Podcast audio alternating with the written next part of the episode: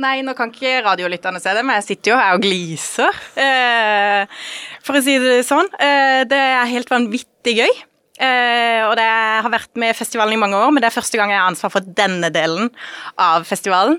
Så eh, nei, jeg flyter på eh, Altså, det er kjempegøy. Eh, så over en kneik nå. Og så håper jeg bare at du fortsetter i samme flyt framover, da. Ja, for nå er det altså under en måned til det, til det braker løs. Hva er det vi skal se spesielt opp for på programmet i år, sånn som du ser det? Sånn jeg ser det, så er det Altså, det viktige for oss er å favne så mange som mulig. Eh, så vi har Vi tar barn på alvor, og de er ikke en homogen gruppe.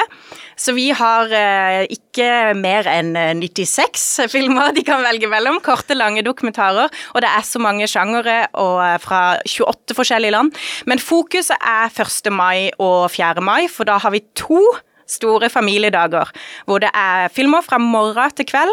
Du kan møte filmskapere i salene, spørre de spørsmål. Du kan eh, oppleve masse ulike overraskelser, aktiviteter ute i gata, for det vi stopper trafikken foran Kristiansand kino, sånn at barna i alle aldre skal få lov til å boltre seg. Men eh, dokumentar?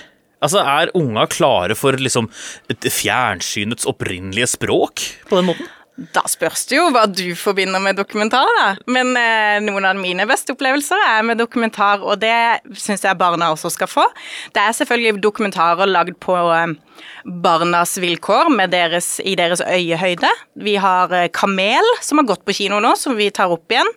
Eh, og det er også ulike dokumentarer, men vi viser jo også film for ungdom. Det må vi ikke glemme. Så det er dokumentarer for den målgruppen, og det er også eh, fiksjonsfilm for alle mulige målgrupper. Og eh, denne festivalen går altså av stabelen 29. april til 4. mai. Tusen takk for at du kunne komme i studio en eh, fredags ettermiddag, Stina Ask Mikkelsen, programsjef for eh, Barnefilmfestivalen her i Kristiansand.